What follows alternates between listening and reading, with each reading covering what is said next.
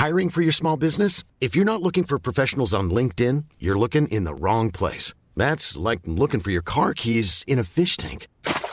LinkedIn helps you hire professionals you can't find anywhere else, even those who aren't actively searching for a new job but might be open to the perfect role. In a given month, over 70% of LinkedIn users don't even visit other leading job sites. So start looking in the right place. With LinkedIn, you can hire professionals like a professional. Post your free job on linkedin.com slash people today. Burrow is a furniture company known for timeless design and thoughtful construction and free shipping. And that extends to their outdoor collection. Their outdoor furniture is built to withstand the elements, featuring rust-proof stainless steel hardware, weather-ready teak, and quick-dry foam cushions. For Memorial Day, get 15% off your Burrow purchase at burrow.com slash ACAST and up to 25% off outdoor. That's up to 25% off outdoor furniture at burrow.com slash ACAST. There's never been a faster or easier way to start your weight loss journey than with PlushCare. PlushCare accepts most insurance plans and gives you online access to board-certified physicians who can prescribe FDA-approved weight loss medications like Wigovi and Zepbound for those who qualify. Take charge of your health and speak with a board-certified physician about a weight loss plan that's right for you. Get started today at plushcare.com slash weight loss. That's plushcare.com slash weight loss. plushcare.com slash weight loss.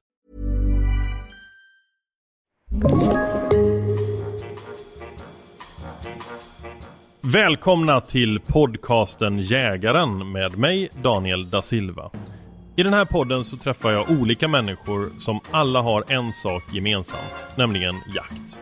Jag själv jagar och en av de största anledningarna till varför jag brinner för jakt är att jag älskar mat och framförallt kött. Och det är svårt att få tag på godare och mer hållbart kött än just viltkött. Jag fullkomligt älskar att laga mat och speciellt på råvaror där jag själv har varit med under hela processen. Både viltkött men även grönsaker, bär och svamp och liknande. Och därför ska det bli sjukt skoj och intressant att nu få tillbringa en stund i lugn och ro tillsammans med matlagningsproffset Karl Drejer som är dagens gäst. Men innan vi startar vårt samtal så kommer här ett inslag tillsammans med poddens huvudsponsor Chevalier.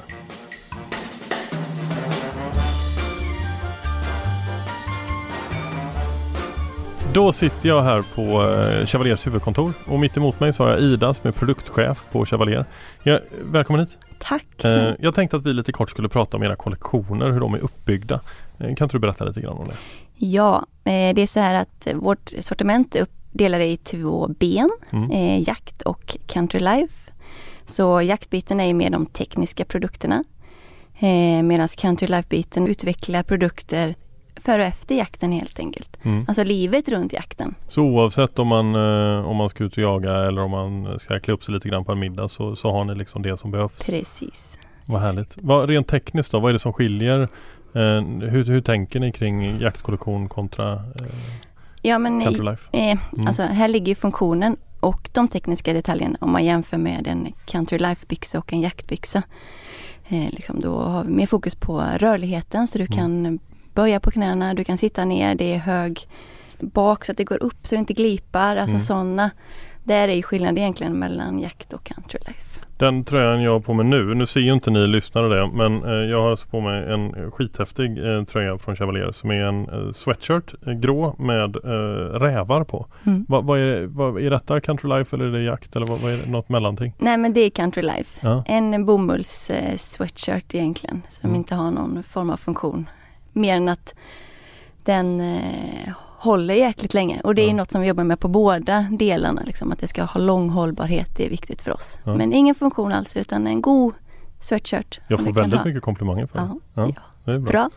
Eh, och du är mer inriktad på jaktsortimentet, eller mm, Precis. Och vi kommer prata mer Uh, i kommande avsnitt. Då blir det tekniskt. Då blir det jättetekniskt. Mm. Ja, Okej, okay, ja det är bra. Uh, vi, vi hörs nästa vecka då. Ja, ja, tack. Fint.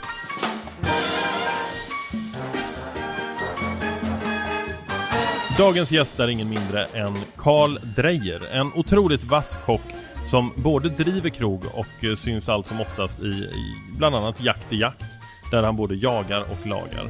Men Karl har också en bakgrund som bland annat tour manager för Sveriges artistelit och är liksom allmänt så här, intressant och cool dude. Eh, välkommen hit Karl! Tack snälla! Hur är läget? Ja, det är bra. Det är så konstigt när man sitter och hör om, om, om sig själv. Bara, ja, det är jävla resa man liksom. Från artisteriet och mat och jakt. Ja men du har gjort otroligt mycket. Ja. Det är ju inte klokt. Nej. Välkommen hit sa jag. Jag är ju faktiskt hemma hos dig. Ja, stort tack. Välkommen Ja, hit. så- välkommen så hit Du själv. säga välkommen istället. Ja, tack så mycket. Eh, vad, du måste berätta var vi är någonstans. Blomröd. Nu sitter vi på Blommeröd hemma hos mig nere vid Västra Ringsjön. Ehm, inne i Hör, mitt inne i Skåne. Håller vi till här. Ja, det är ju så vackert Ja, alltså. det är härligt. Just nu så sitter vi, är detta ett eh, stall? Säger man Det är ett gammalt stall ehm, som min morfar byggde. Ja. Så han satt där, här vi sitter nu, faktiskt precis där du sitter. Mm. Där så hade han sitt skrivbord. Så var det en massa fåtöljer och bord så som, så som det ser ut nu. Så kunde han gå upp en trappa och gå ut på balkongen och då kom han in i stallet. Ja, det är ju världsklass. Jag ska visa sen när vi går upp. Det, det är svårt att, att beskriva när, när folk lyssnar men det är liksom stora marmortrappor och eh, vackra oljemålningar på, på hästar. Och Blomröd är en hästgård. Blommeröd är en hästgård. Mm. Ehm, min morfar ehm, var väldigt intresserad av det arabiska fullblodet. Mm. Och ehm, importerade faktiskt det arabiska fullblodet till Sverige. Eh, och började hålla på med hästuppfödning. Mm. Och sen så tog mamma över den eh, stafettpinnen från morfar och fortsatte och sålde hästar. Maja, min, min eh, sambo, hon håller ju på med hästar också, fast med islandshästar. Hon, hon hanterar dem, man men hon rider in dem. Grymt. Det, det här är ju ingen hästpodd. Nej, det så, är det så vi, vi ska Vi snacka släpper jakt och vi ska snacka Ja. mat. Men, men nu vet vi var vi är Det är någonstans. sjukt intressant hur nära man kommer djuren när man sitter på hästrygg. Jaha, de är helt orädda då eller? Ja men typ, alltså hon, hon rider alltså jättenära in på djuren. Ja men det, det ska bli eh, otroligt eh, härligt att få hänga med dig en stund. Ja, eh, jag, jag är nog inte ensam om att ha suttit och tittat på Jakt i jakt eh, och sett dig liksom skapa rätter som, eh, ja men så här, man skriker inombords av huggar liksom. Eh, däremot så vet jag inte om det smakar gott. Det verkar ju så på folks reaktioner, Ja, men men, det- det... ser extremt gott ut. Ja men det är gott. jag, jag får en ehm. känsla av att du inte är så här en receptmänniska. Nej, ja, det har jag faktiskt aldrig varit. Ehm, och därför är jag helt värdelös på att baka och de här grejerna. Där klarar jag inte liksom Nej. alls av det. Men matlagningen, Hur funkar det när du driver krog då? För då ska du ändå smaka likadant för alla gäster. Och... jo jo självklart. Men alltså vi, vi, vi lagar ju såklart mat i restaurangen med, med mått och alltihopa. Men, Ja. men ehm, mycket av den maten vi har eh, lagat, den sätts liksom bara ihop. Ja. Så vi bara Var det din farsa som kom där nu? Det var farsan som körde förbi. Ja. Det är som all, all maten i Jakt i Jakt som Mm. vi har lagat har aldrig lagats innan. Nej. Så det är liksom maten som, som är filmad i Jakt i Jakt. Det är första gången jag lagar den maten. Och det är väl lite det som är utmaningen också för mig själv. Att Mm. utvecklas som, som kock. Um, alltså bilden av att laga vilt har ju varit ganska liksom kategoriserad. Att man ska liksom, det ska lagas på ett speciellt sätt just när det kommer till temperaturer och det ska vara mått och det ska vara sås och det ska vara gelé och du vet, vi är vana med de här söndagsstekarna. ja, exakt. Vilket är fantastiskt gott. Men jag tror att viltet har en sån jäkla potential till att bli bra. Alltså det, det, är, det är ett, ett fantastiskt, eh, en, fanta, en fantastisk råvara att jobba med. Vi, vi kommer prata jättemycket matlagning. Ja. Eh, och jag tänkte också att du ska få eh, tillsammans med mig här nu eh, i podden eh, kreera och liksom fantisera fram lite olika rätter Ja. för att inspirera lyssnarna. Ja, kul. vad man faktiskt kan göra med alla de här olika eh, köttdetaljerna man Ja. har i sin frys. Sådär. Men jag skulle bara vilja ta det lite från början. Du växte ju upp här i Skåne. Nej, jag är född i Danmark. Du är född i Danmark. Född i Danmark, eh, flyttade till Sverige i, eh, flyttade till Sverige 92. Snackar du dansk? Jag snackar flydande danska. Nej men för helvete man! Ja, ja, ja, ja. Vi, snackar, vi snackar faktiskt kun danska här på gården. Och så pratar jag skånska med min flickvän. Hon dödar mig om jag ska, liksom, om jag ska börja prata så här istället. Då är det, det, är det värsta hon vet. Men, Ja. men, Nej i alla fall, så flyttade, vi flyttade hit i 92 Ja. Och sen bodde jag här i Skåne tills jag var 14-15 år gammal Mm. Och sen så flyttade jag upp till Sigtuna och gick på internat Stannar du kvar i Stockholm efter det? Jag stannade kvar i Stockholm Ja. När, när kom eh, jakten in i ditt liv? Och jakten kom ju redan in i mitt liv från att vi flyttade hit till Sverige, alltså när jag var liten Ehm, Pappa har jagat eh, väldigt mycket Mm. eh, när jag var liten um, Det gör han inte längre Men, ehm, ja, men naturen och skogen och sjön och allting här blev ju lite, blev ju lite min lekplats Mm. Som Ja, barn För gården är ju stor. Jaktkåren är stor ja. Vad har ni för vilt på markerna? Vi har mycket rådjur, vildsvin, eh, eh, fantastiskt fågelliv med fasan, änder, mycket duva. Mm. Eh, och sen är det någon älg då och då. När jag var liten hade vi en älgjakt om året och då sköts det ju alltid älg. Okej, Nu ser man ju aldrig älg här nere. nej. Så det är också, men jag tror Har ni kron ibland? Nej, tyvärr inte här. Vi ligger ju precis, eh, som du ser så ligger vi mellan de här två sjöarna. Ja, Så det är ganska svårt för vilt att ta sig in. okej. Ehm, det är ju den södra delen av Ringsjön var det finns en bro och sen så har vi norra delen här uppe. Där är bebyggt, Ja. alltså bebyggelse överallt. Så det är, det är ganska isolerat. Men ni har ju, jag har ju sett på eh, ett par avsnitt med Jakt i jakt så har ni ju jagat här. Mm. Eh, och då känns det som att, eh, ja men när, när du jagar så känns det som att det är lite soft, alltså så här, ja men ja, ja, känslan i alla Mm. fall så här, du tar med bössan och så går du ut och så ser du vad som finns. Mm.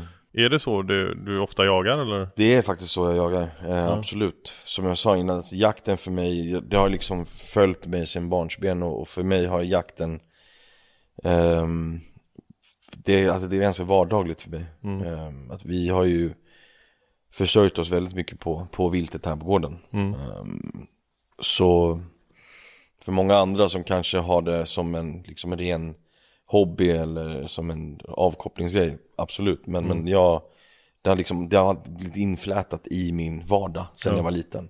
Men är det, är det mest ni som jagar här på, på markerna eller är det, arrangerar ni jakter också? Nej det är mest vi som jagar här. Vi, vi säljer någon bockjakt och så säljer vi lite duvjakter. Ja. Men annars så, så håller vi det ganska för oss själva. Och, och rådjuren som går här är ju stora och fina ju. Ja de är jättefina. Ja.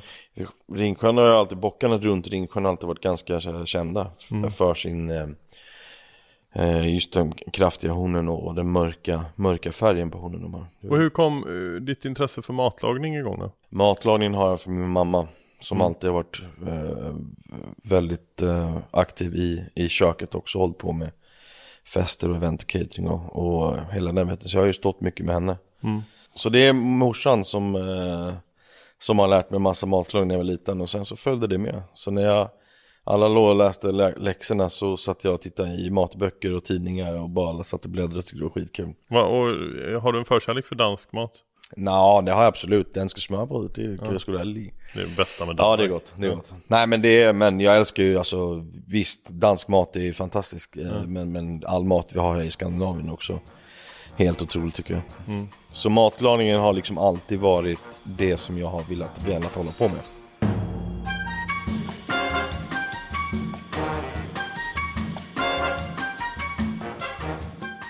Men sen har du jobbat som tour manager Ja. för Alesso Ja, bland annat. Ja. Och, eh, vad, hu- och inte bara Alesso va, utan även Swedish House Mafia? Ja, Sebastian Ingrosso och Axel och, Ja. och även Tiesto. Jaha, han bodde i Stockholm ett tag va? Ja exakt. Ja. Det var så jag började med i, i eh, den svängen. Ja. Och det var med Tiesto. Det var för att vi, Tim Alavici, han hade ett um, gig i Köpenhamn med Tiesto. Var, var Tim då var warm-up. Mm. Han skulle ha förband till, till uh, Thais Mm. på parken. Så då var vi ett grabbgäng som hängde med nere och kollade på giget. Det var ju så jävla fett att stå där på den här scenen där bak och bara se legenden DJ Tiesto spela. Mm. Jag har alltid varit ett fan av, av den typen av musik också. Ja. Så uh, lärde vi känna varandra där och sen så kom han till stan. Kolla alla händerna. Det är nog en Ja, det är ju, nu ser ju inte lyssnarna detta. 400-500 gräsänder som lyfter upp precis. Helt sinnessjukt. Nu, jag vill inte sitta här, jag vill gå ut. Kul! Ja. Men, men då eh, jobbar du med stora DJs och, och turnerade runt i världen. Ja, hela världen. Och då arrangerar du själva turnén och jobbar med det, eller hur, hur funkar Mm. ja, det? exakt. Ja, det, man, man får en, en, en bunke spelningar som är inbokade av agenten och managementet och så ska man då sätta ihop själva turnén alltså. Och jag fick ju liksom den lilla plusset, det var att jag fick äta mat i hela världen. Ja. Samtidigt som jag jobbade och fick liksom så här sjukt mycket inspiration från Japan när jag gått upp så här tidigt på morgonen efter ett gig eller inte gått och lagt mig efter giget. Jag bara satt en taxi och åkt ner till liksom fiskmarknaden som började där tre fyra på morgonen. Ja. Och sitta där och bara äta en skål soba, nudlar. ja, helt Och bara se alla de här tonfiskarna komma in och sen gå tillbaka till hotellet och lägga sig. Och sen så nästa dag så sitter man kanske i eh, LA och käkar en Ja. pizza. Alltså, det, det, det, ja, det, det har varit så, det har varit så sjukt. Inspiration. Ja, verkligen. Och det är faktiskt mycket av det som har setts i Jakt i jakt och mycket mm. så som jag lagar mat med vilt är faktiskt taget med, med inspiration från olika delar av världen som mm. jag tycker är skitkul. Man bara byter ut det vilt istället. Ja, det, det och det är, lite det, det är lite det jag försöker få alla andra till att börja använda vilt till mm. mer saker. Och om det skiter sig, då skiter det sig. Men ja. fortsätt. Det är liksom, det är så jäkla gott och det är så jäkla enkelt att få tag i. Speciellt om vi som jagar själv. Jag, jag var i eh, Tokyo eh, på jobb. Mm. Eh, ganska många gånger eh, under eh, ett års tid. Mm. För två år sedan nu. Och bland annat så åkte jag dit för att göra en dokumentärfilm. Mm. Så, små korta sekvenser och som handlar om perfektion eh, inom matlagning och, och dryck. Det är sant? Ja, eh, och då träffade jag, eh, ja men då satt jag och hade liksom intervjuade och träffade några av världens bästa kockar liksom. Mm. Eh, och pratade om matlagning och pratade om deras passion till matlagning. Mm. Och det vi kom fram till var liksom att ja, men perfektion för dem finns inte. Eh, mm. utan utveckling, att hela tiden utveckla sig. Mm. Eh, det är perfektion. Mm. men just den här känslan de har för råvaror. Mm. Eh, och när man förstod att Ja men hur de har liksom uh, valt ut rätt tonfisk, uh, rätt del på tonfisken. Ja, de har, alltså, så här, mm. det, det, är ju och så många år av liksom nötande för att få fram den perfekta biten då. Alltså där har jag liksom ätit några av mina absolut bästa måltider. Ja men det är alltså, maten i Japan är helt otrolig. Jag käkade en, eh, alltså en uh, teppanyaki, när, när de liksom lagar ja. framför den. Eh, en otroligt duktig teppanyaki-kock eh, som, som han gjorde, det var en, en Kobe-biff eh, mm. som han stekte till och det var liksom salt, peppar, den perfekta stekgraden och köttet var liksom eh, det, det, perfekta köttet. Det kan jag, så fort jag tänker på den så kan jag känna smaken i munnen. Mm. Det, det, är den godaste liksom, eh, mm. saken jag har haft i min mun. Fan kul. Ja, helt sinnessjukt. Ja. Vad, vad är din liksom, kan du, kan du minnas din bästa måltid? Oh det är svårt, men det är också Det är nog någon av de alla middagarna mamma har lagat ja. Kallbräss, det älskar jag mm. Panerad kallbräss med pressgurka Hur gör man det? Men den skjuter man i vatten Med lite, lite kryddor och grejer Och sen så drar man av hinnorna ja. Sen skär man upp det lite och sen så panerar man det i mjöl ja. Äggmjöl och panko Sen finns det ju lammbröst också. Men det är jävligt gott, vi ska laga någon gång. Nej men jag har faktiskt ingen, jag har ingen, men jag försöker komma ihåg men det är också, alltså, ska vi helt ärlig så måste, det är någon, någon av kvällarna i, i Tokyo när man sitter mm. och också, jag har också ätit de där mm. köttbitarna eller äh, fisken som är helt jäkla otroliga.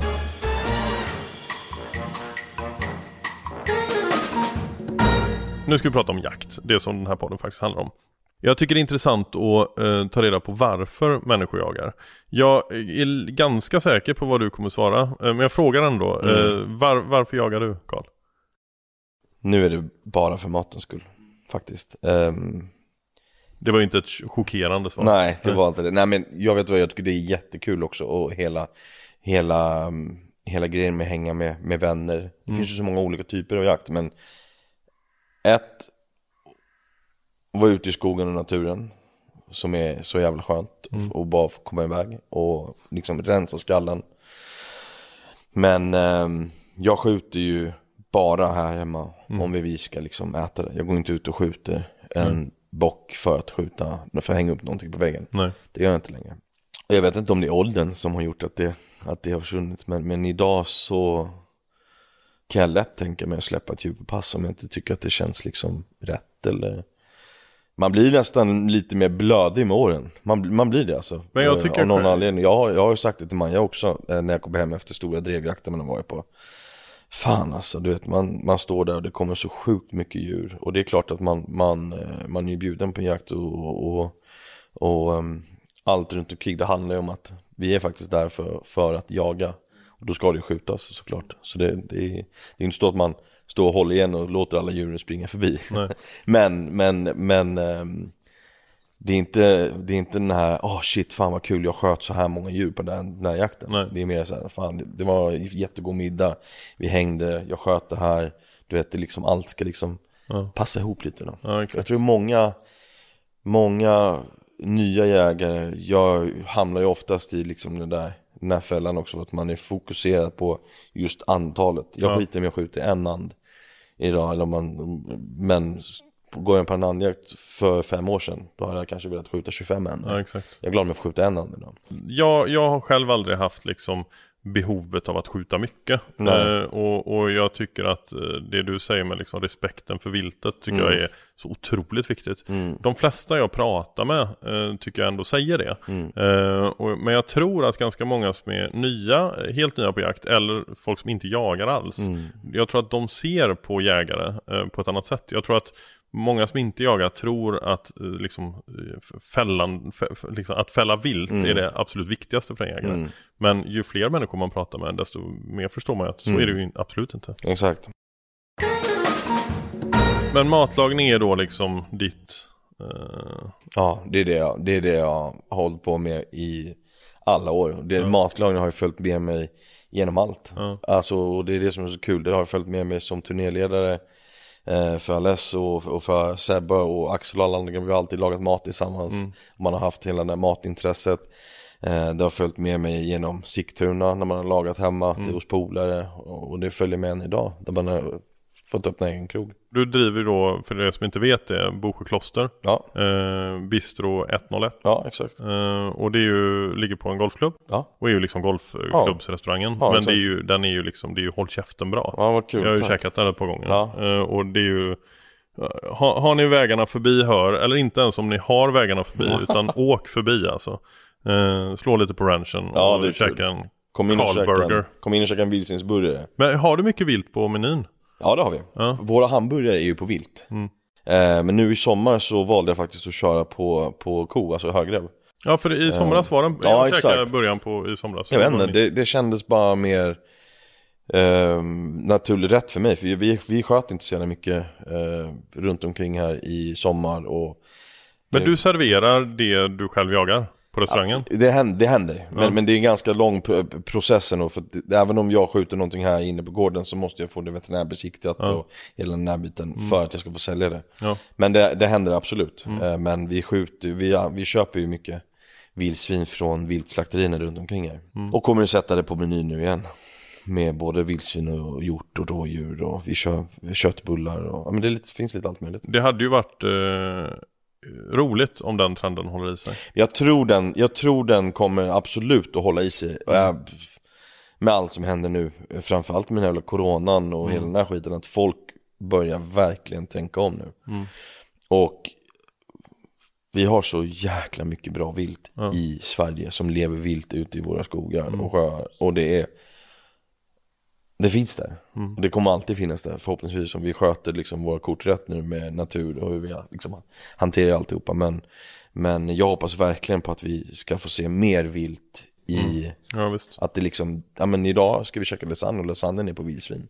Men det, Eller lasagnen är på hjort. men det är ju svårt, för, för jagar man inte själv så är det inte helt lätt att få tag på Nej, viltkött. det, så är det ju. Du, vi måste få in det i vardagen. Men Ja. hur, hur kan du få in viltet i, från måndag till fredag? Ja. Att det alltid finns. Du ska alltid kunna ha liksom tillgång till de här grejerna. Och jag vet inte, det är inte jag som, som men jag vet att det är, är väl eh, lite olika aktörer som ska försöka få ut lite vilt i matbutiken. Ja och det är väl en liksom- kombo av både så här kunskap hos människor, eh, alltså vad man faktiskt kan göra med Mm. Ja, men viltkött, exakt, så är det. och tillgång. Ja för jag blamear inte, jag blamear inte någon som aldrig har jagat, någon som inte kan någonting Hur fan ska de kunna liksom veta att det är gott att göra köttbullar på vildsvin eller exakt. göra lasagne eller liksom göra burgaren Alltså de är uppväxta med blandfärs Ja.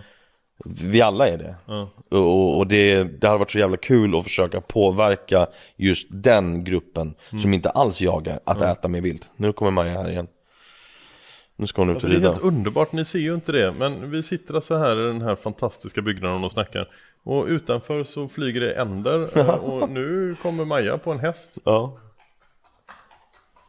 Ja, nu ska hon ut. Varje gång hon kommer tillbaka efter att hon har ut och ridit så har ja men jag såg den bocken där, jag såg den bocken där. så? Jag såg den bocken där, så när man går ut själv så ser man inte ett skit. Och det, det låter som eh, hela min jaktkarriär. Det jag tycker är häftigt är när man, jag pratar med polare som inte jagar. Och så säger de, ja men du kan inte, för vi, hemma nu så käkar vi i princip bara vilt och vegetariskt.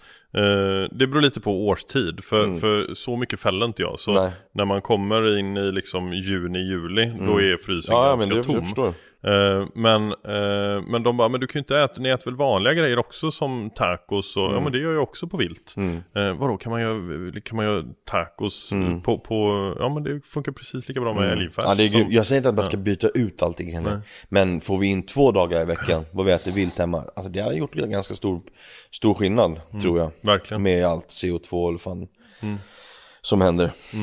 Jag, jag tänkte så här, eh, ett litet så här, eh, ett inslag i det här eh, avsnittet mm. som vi kan kalla för I frysboxen med Karl Drejer.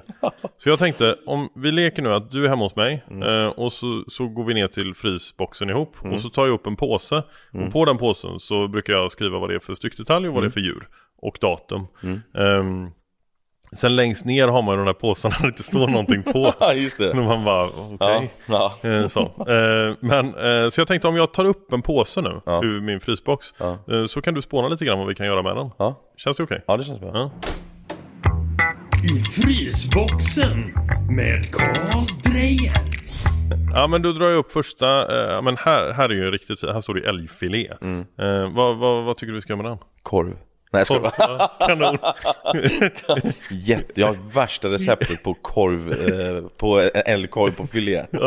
De bara wow, när han tappat det fullständigt. Nej, ta hela filén och doppa den i tempura och smet, sen friterar den bara. Du har faktiskt en polare som med rådjursfiléer, han tycker de är så små. Ja. Så han brukar steka på dem och köra dem med korvbröd. Ja, ja. ja men det är ju fint. Ja. Det är en lyxkorv Men alltså så här, köpekorvbröd eller? Ja, köpekorvbröd ja, ja, så lägger han filén i och så. Den här fransk, inte ketchup inte, inte fransk hotdogbröd. Man ja. stopp, petar ner filén i hålet. Nej men ska vi, ska vi köra någonting på filé eller? Ja men älgfilé, ja. Nej men alltså en älgfilé det är ju liksom filé filé. Mm. Men eh, jag älskar tatar. Mm. Där, innefilé, säg det till din polare nästa gång, innefiléerna de är jättefina på rådjur mm. På att göra tatar på mm. Då tog jag häromdagen så tog jag ett, ett eh, du vet de här falafelbröden som man kan mm. köpa som är jättebilliga mm. Libabröd kallar vi ja. det här nere jag tog ett helt sånt där bröd och slängde ner i fritösen ja. Så då liksom fluffade upp och blev superknapigt Det här måste ni testa hemma blir, eh, eh, Fluffa upp blir superknapigt ja. Sen får det rinna av på en äggback Du bara rakt ner, ja, rakt ner liksom. Du kan dela den liksom. Eh, Ner i fritösen, fritera Knapigt så in i helvete, upp på en äggback så det rinna av med oljan. Mm. Så tar du de här små filéerna hacka upp dem lite fint och så mm. kan du blanda i lite gott, du kan köra lite dijon. Men ja, nu körde jag lite, lite majonnäs och lite tryffel, inte för mycket men bara så att det blir lite så här kletigt. Och sen så la jag den här tartaren uppe på det här, bröd, det här, på det här knapriga brödet. Ja. Fast då gjorde jag det framför mina polare så jag la det äh, liv, friterade livebrödet och sen så kletade jag på lite den här tartaren och sen så på med lite örter, flingsalt. Och sen så tog man bara en gaffel och bara liksom slog på den där. Aha. Så att den liksom gick i olika bitar. Och så fick man ta sin lilla bit. Och te testa det hemma. Till en kall öl eller till lite vin eller till något alkoholfritt kanske. Jag, jag, jag tror att lyssnarna är nu precis ni, lika så, saliviga i munnen som jag är just nu eh, Nu drar jag upp då ur frysen så står det rådjur och eh, det står inget mer men jag ser ju vad det är Det är ju en hel frambog mm. eh, med ben och hela skiten liksom mm. här, här, Det här har jag inte gjort färs av Nu blir det jobbigt Vad ska jag göra med den här? Jag eh, gillar att skära ut um, köttet på bogen. Mm. Och det funkar jättebra och kör grillspett rakt upp och ner. Mm. Um, och då brukar jag också köra det ovanför liksom en, en, en glödbädd. Mm. Um, men sen så är det också bra att bara köra en yakiniki. Jaha. Då tar som man, vi käkar idag? Ja, som vi käkar idag, ja. precis. Då tar man det här köttet, um, skär ut de olika detaljerna. Ja. Kan du rulla in i lite plastfolie. Och då, och då, det finns ju otroligt mycket hinnor på frambågen. Ja. Eh, så den, jag, jag brukar nästan, jag kör alltid färs liksom. Mm. Men om du ska tillaga köttet. Ja man får ju ta bort de värsta liksom, ja. stora scener och sånt. Mm. Men här kommer det till fina, du behöver inte ta bort allt men rulla in det här och sen så fryser du in mm. um, just de här köttdelarna. Mm. Sen tar du ut det och så kan du skära det på en eh, skärmaskin eller skära jävligt tunt. Mm. Och så kan du göra antingen carpaccio mm. eller så kör du en yakiniki. Mm. Då är det liksom tunt, strimlat, fint kött.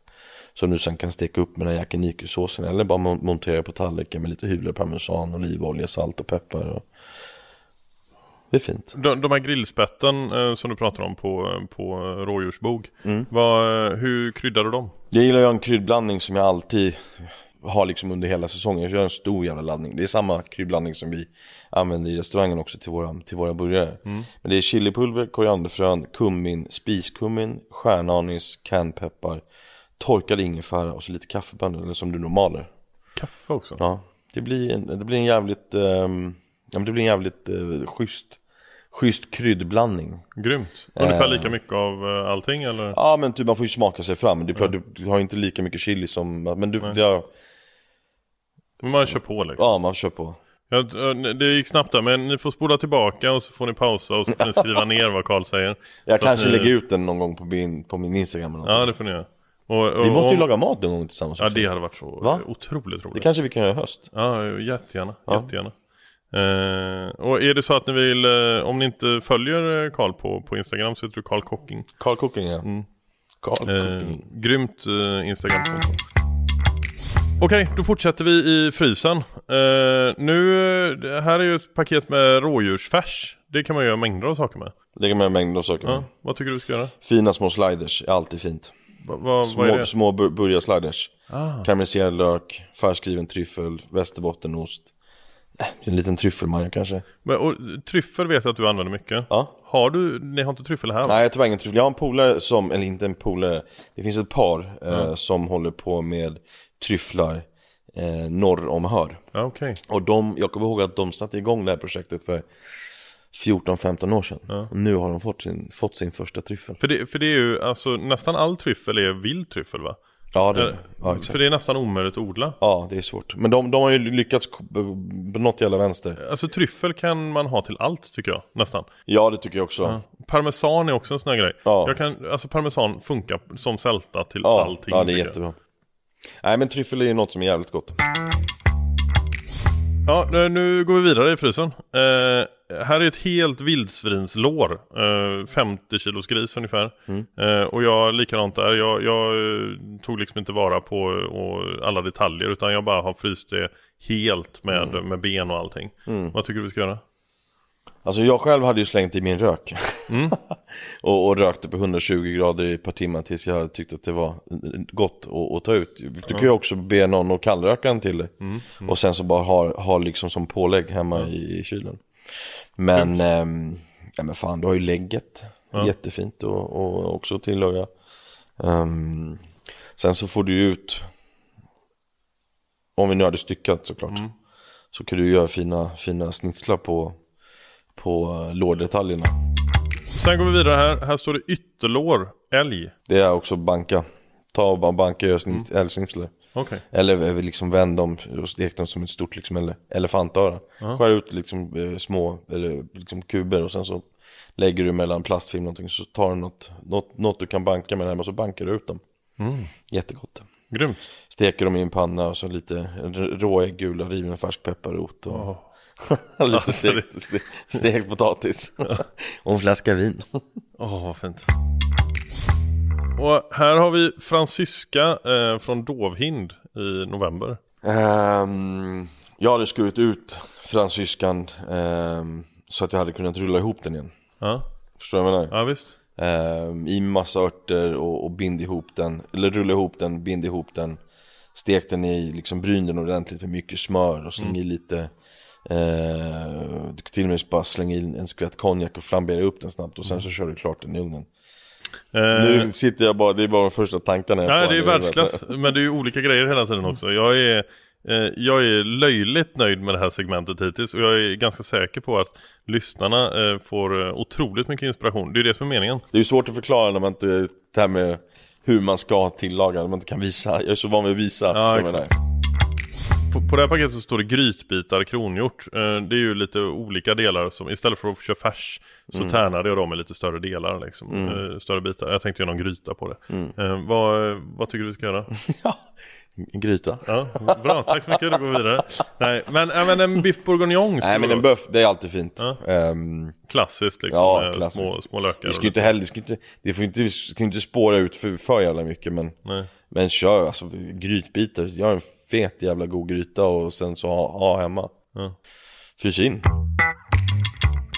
Eh, nu, nu har jag faktiskt, det var så att jag eh, fällde en eh, bäver mm. i, eh, i våras. Och eh, jag gillar ju att ta vara på kött liksom. Mm. Eh, och därför så tog jag vara på eh, rygg, ryggbiffen Mm. eh, på bävern. Mm. Eh, vad, vad ska jag göra med den? Du tog inte vara på svansen? nej. Ja, den, hade- den hade jag grillat. Ah, he- rakt av bara. Ja, direkt. Knaperstekt. Ja, men typ att man slänger bäversvansen direkt i glödbädden. Och sen så liksom f- brän- bränner man upp liksom i princip bäversvansens yttre på yttre. Sen så skalar man av den. Sen så borde man kunna äta det som är inne i. B- Borde kunna Ja. äta, men du hade ändå testat liksom. Jag hade provat det. Men är det kött inne Eller i svansen? bäv, bäverrevbensspjäll, har du testat det? Nej. Ja, det är också något jävligt gott. Koka ner någon sån här eh, svart, eh, vad heter det? Vad heter det? Brombär på svenska? Vad sa du? Brombär, vad fan heter det? Ja, nu, för, nu, nu, för, Eh, du prata danska? björnbär.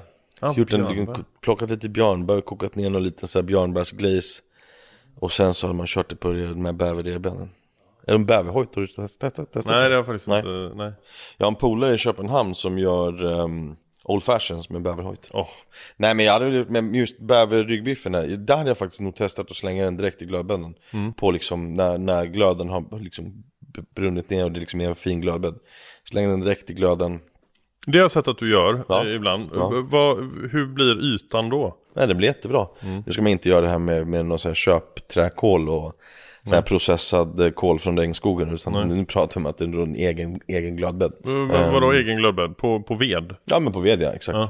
Nej men det var man, så fort du lägger köttet på, på den varma ytan så går ju faktiskt tempen ner. Ja. Och du, du brinner absolut runt omkring. Men det, man ska ju vända den. Jag vänder den, för jag gillar det. Man får en fin yta. Ja.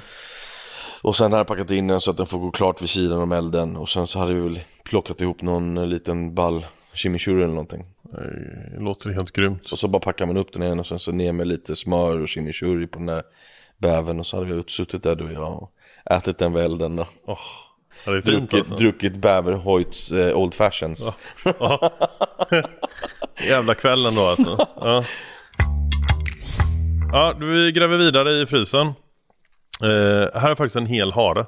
Flodd och klar, men jag, jag frös in hela haren. Mm. Eh, Gör upp en eld, sätt den på ett spett, fyll den med massa örter och grillar den hel. Är det så? Ja.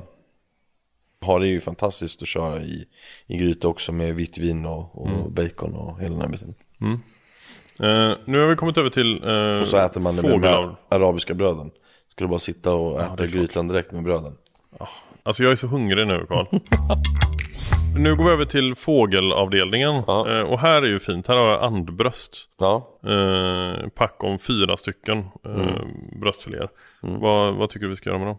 Gillar att steka dem, halstra dem i en panna och så kan man köra dem i ångade baobans. Ja. Så kör man dem med lite hoisinsås och vårlök. Och, Ah. Eller att vi kör dem i små rispannkakor. Ja. Ehm, också strimla köttet, lägg ner dem i pannkakorna med lite strimlad vårlök och hoisinsås och lite knaprigt. Gör du egen hoisinsås? Ja, det gör jag. Hur gör man det? Koka ner socker, soja ehm, och sen så har du de här sju, de sju kryddorna i Kina. Och um, vinäger. Och sen så får det liksom koka ner. Men du gör allt sånt själv? Allt sånt kokar vi ner själva. Ja, det är ju helt grymt. Mm. Det är nog ganska många restauranger som inte gör det väl? Det, det, det, det finns det säkert. Ja. Ja. Men det är ju lite det, vi, ja, men jag tycker det är kul. Eller vad, vad, var, Ja. vad var jacknyckeln vi åt på? Vad var det för köttdetalj? Eh, det var högre.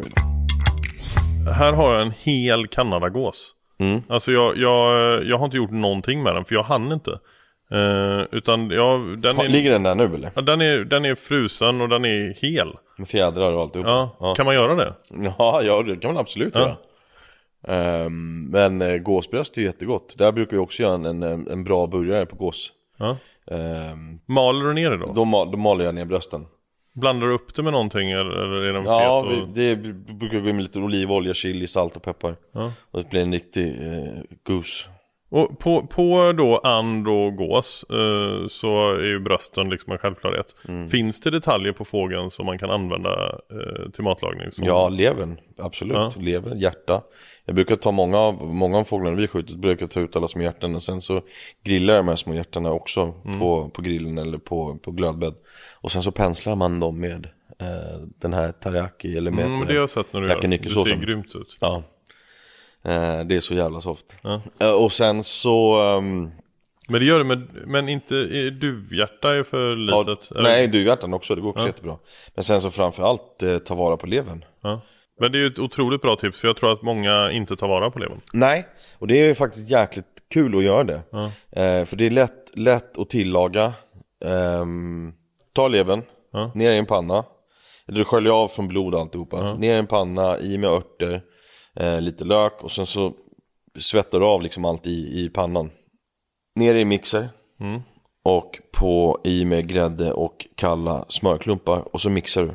Mm. Till en gegga. Mm. Och sen så häller du upp det i formar, ställer in i kylen. Får du stå i kylen ett par timmar. Så tar du ut det och så har du en perfekt levermousse. Som du kan smälla på på knäckebröd med lite picklad rödlök och en, en kall öl.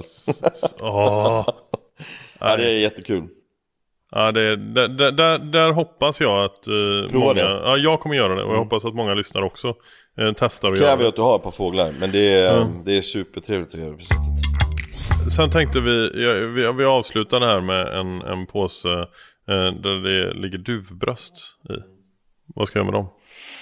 Um, antingen så tar du duvbrösten och så marinerar du dem i mm. uh, lite olja, chili, citron eller vinäger. Um, ett par timmar, 12 timmar. Mm. Sen så tar du de här duvbrösten och uh, fryser in så att de är liksom halvt, halvt fruset kan du mm. Lägg dem i frysen i 45 minuter, en timme. Tar ut dem och så skär du upp tunna fina duvcarpaccioskivor. Ja. Jättegott. Ah. Men eh, duvbröst i en, i en eh, gjutjärnspanna med eh, eh, en skvätt konjak, eh, smör och grädde. Mm. Det är mm. också jävligt gott. Ja. Eller så kör man duvbrösten också, kan också köra direkt på grillen. Grillar dem lätt, eh, skär ut eh, köttet från benet ja. och eh, lägg på en sån här god macka. Mm. Bookmaker duva. Duv, duvmaker. Du, duvmaker. Det är grymt om du har. Du, duvan är ju en, en, en ehm, en extremt god fågel och de äter ju så himla bra grejer ute i skogen också. Mm. Men något som är jävligt gott med duva det är också att slänga duvorna direkt på glödbädden. Mm. Eh, och sen så kör man det i små eh, tortillabröd med en mm. salsa. Ja, det låter grymt. Mm. Eh, alltså jag är så pass hungrig nu mm. efter vårt snack att vi måste nästan sluta för jag måste ha mat. Ja. Men, men, eh, men jag ville bara, eh, en fråga till. Eh, I frysen så har man Eh, jag tror inte jag är själv om detta, att ibland så har man inte markerat upp vad det är för något. Mm. Så eh, man, jag tar upp en påse och så ligger det något form av kött mm. som jag inte vet hur gammalt det är. Eh, mm. Jag vet att ja, men det väger ungefär ett halvt kilo. Mm. Jag vet inte vad det är för vilt. Eh, vad, om du själv befinner dig i den situationen, eh, mm. hur, hur, gör du för att veta, är det liksom, går du att använda det här köttet? Är det dåligt? Eh, vad är det för typ av kött? Mm. Hur, hur, gör du? Jag börjar med tina köttet. Mm. För sen när, när jag tinat köttet så brukar jag oftast kunna se vad det är för detalj. Ja. Och sen efter det får du bara hitta på någonting. Ja, det är så. Alltså det är lite så. Det, och det, men du luktar på det för att... Ja, det är klart du ska lukta, luktar det surt så får du slänga det Men luktar ja. det inte surt då är det bara att och, och, och göra någonting ja. um, Man ska inte vara rädd heller för att hoppa in i just den situationen Vad fan, nu vet inte jag vad jag ska göra med det här. Nej. Det är bara låt tiden, lägg in det i kylen sen och sen så sätter ner och bläddra lite böcker eller gå in på någons Instagram, ja. hitta ett recept och gör någonting kul. Ja. Gör en jävla biff Rydberg. Ja. Tärna upp köttet i värsta fall och stek med lite potatis och lök och gör en senapsvisp, så är det klart. Och en kall öl. Fan, det är mycket kalla ölar alltså. Jag gillar det. Ja.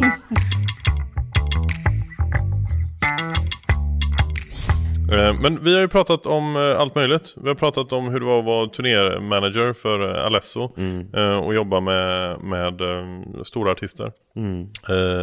Om din uppväxt, liksom lantlig miljö, att jaga på sin egen mark och så jättemycket om, om mat. Mm. Det har varit jättekul att prata med dig. Ja men tack detsamma. Vad, vad har du på G nu? Jag ska tillbaka till restaurangen. Sen ja. så ska vi faktiskt mala ner eh, två vildsvin. Ja. Eh, vi ska sätta en ny meny nu här så då ska vi förbereda med hamburgaren och alltihop. Och sen så är det jobb ikväll. Eh, tack snälla för att jag fick prata med dig. Ja men tack själv. Jag är ganska säker faktiskt på att lyssnarna är lika inspirerade till att ställa sig i köket Ja jag hoppas jag det. Och skriv, skriv om ni undrar något. Mm. Jag försöker alltid svara på allt. Världsklass. Ja. Tack snälla Carl. Tack. Hej. Hej. Och så vill jag självklart tacka er som lyssnar. Eh, hoppas att ni fick bra tips här nu utav Karl och att ni använder dem i köket. Eh, det fick jag i alla fall, det kan jag garantera. Hör gärna av er till mig på Instagram där jag heter da Silva Hunting. Så kan ni vara med och påverka poddens innehåll. Både ge förslag på, på gäster som ni skulle vilja ha med i podden. Eh, men också ställa frågor till, till kommande gäster. Varje torsdag så kommer det ett nytt färskt avsnitt utav Jägaren där poddar finns. Vi hörs om en vecka. Hej!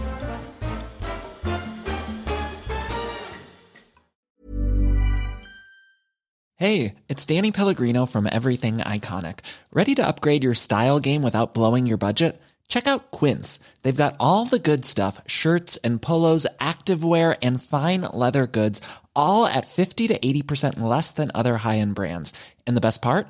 They're all about safe, ethical, and responsible manufacturing. Get that luxury vibe without the luxury price tag. Hit up quince.com slash upgrade for free shipping and 365-day returns on your next order. That's quince.com slash upgrade. Planning for your next trip? Elevate your travel style with Quince. Quince has all the jet-setting essentials you'll want for your next getaway, like European linen, premium luggage options, buttery soft Italian leather bags, and so much more. And is all priced at 50 to 80% less than similar brands. Plus, Quince only works with factories that use safe and ethical manufacturing practices. Pack your bags with high-quality essentials you'll be wearing for vacations to come with Quince. Go to quince.com/pack for free shipping and 365-day returns.